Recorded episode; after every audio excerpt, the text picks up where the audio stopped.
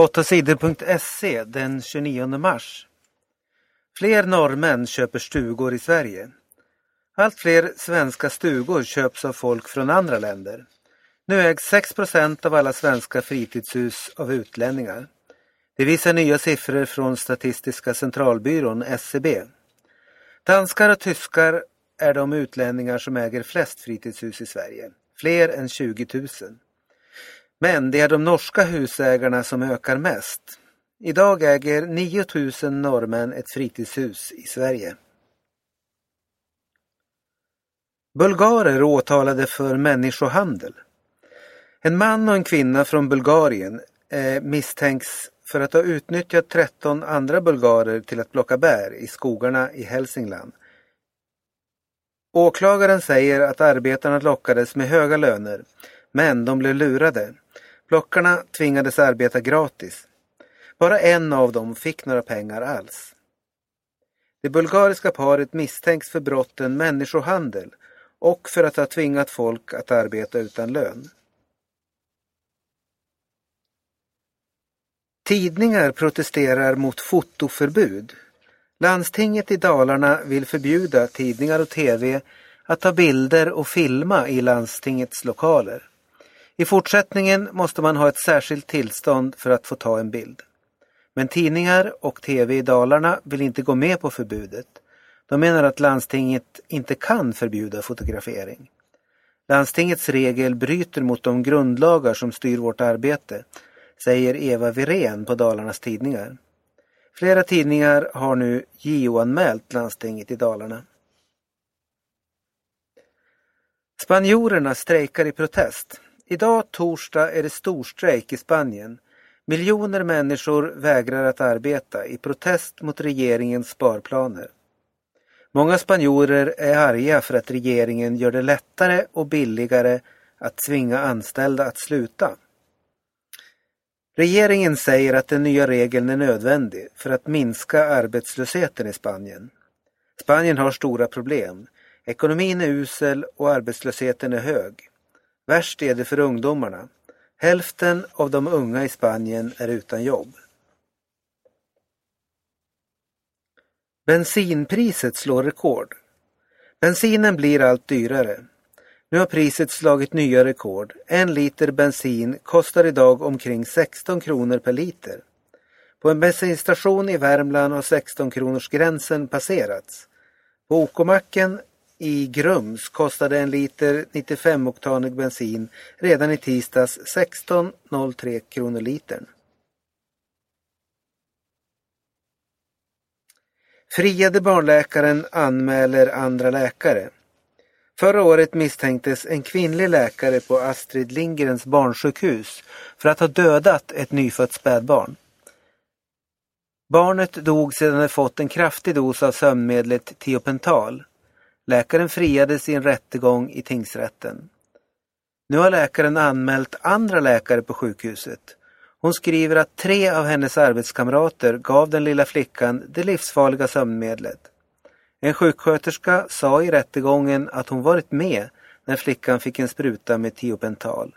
Men det skrev aldrig in i patientens journal. Sexpräst polisanmäldes. En präst i Stockholm har blivit polisanmäld. Prästen anklagas för att ha skickat sexmail till flickor som gått konfirmationsundervisningen. Han ska också ha skickat nakenbilder på sig själv till flickorna. För tre år sedan kom det fram att prästen hade haft sex med en 16-årig flicka. De hade ett förhållande som varade i flera år. Prästen polisanmäldes aldrig då. Kyrkan gav honom en prövotid på tre år.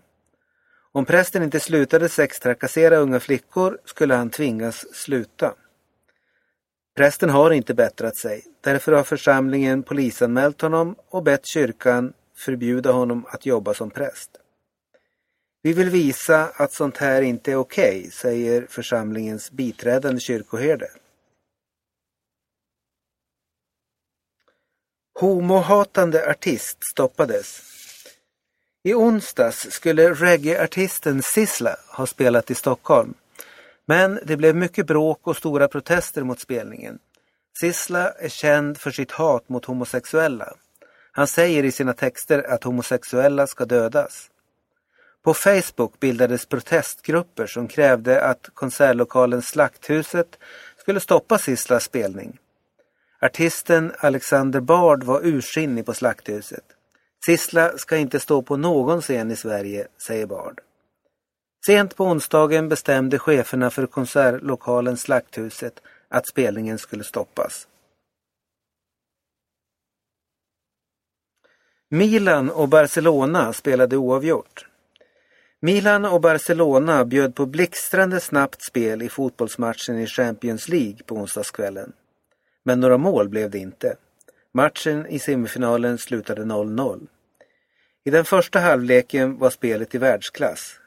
Milan började med att skapa tre riktigt vassa målchanser under matchens första minuter. Sen tog Barcelona över. Laget höll bollen med korta, snabba passningar. Milans spelare fick springa och jaga utan att få tag på bollen. Men Milan försvarade sig bra. Trots ett övertag skapade Barcelona inte särskilt många målchanser. Leo Messi var också sämre än han brukar vara.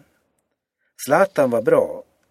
Eh, men inte heller han gjorde någon lysande match. Svensken hade en bra chans att göra mål i den första halvleken.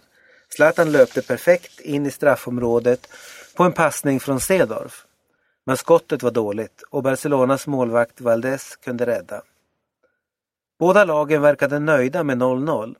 Nästa vecka möts lagen på Barcelonas hemmaplan. Bayern München vann sin match mot Marseille.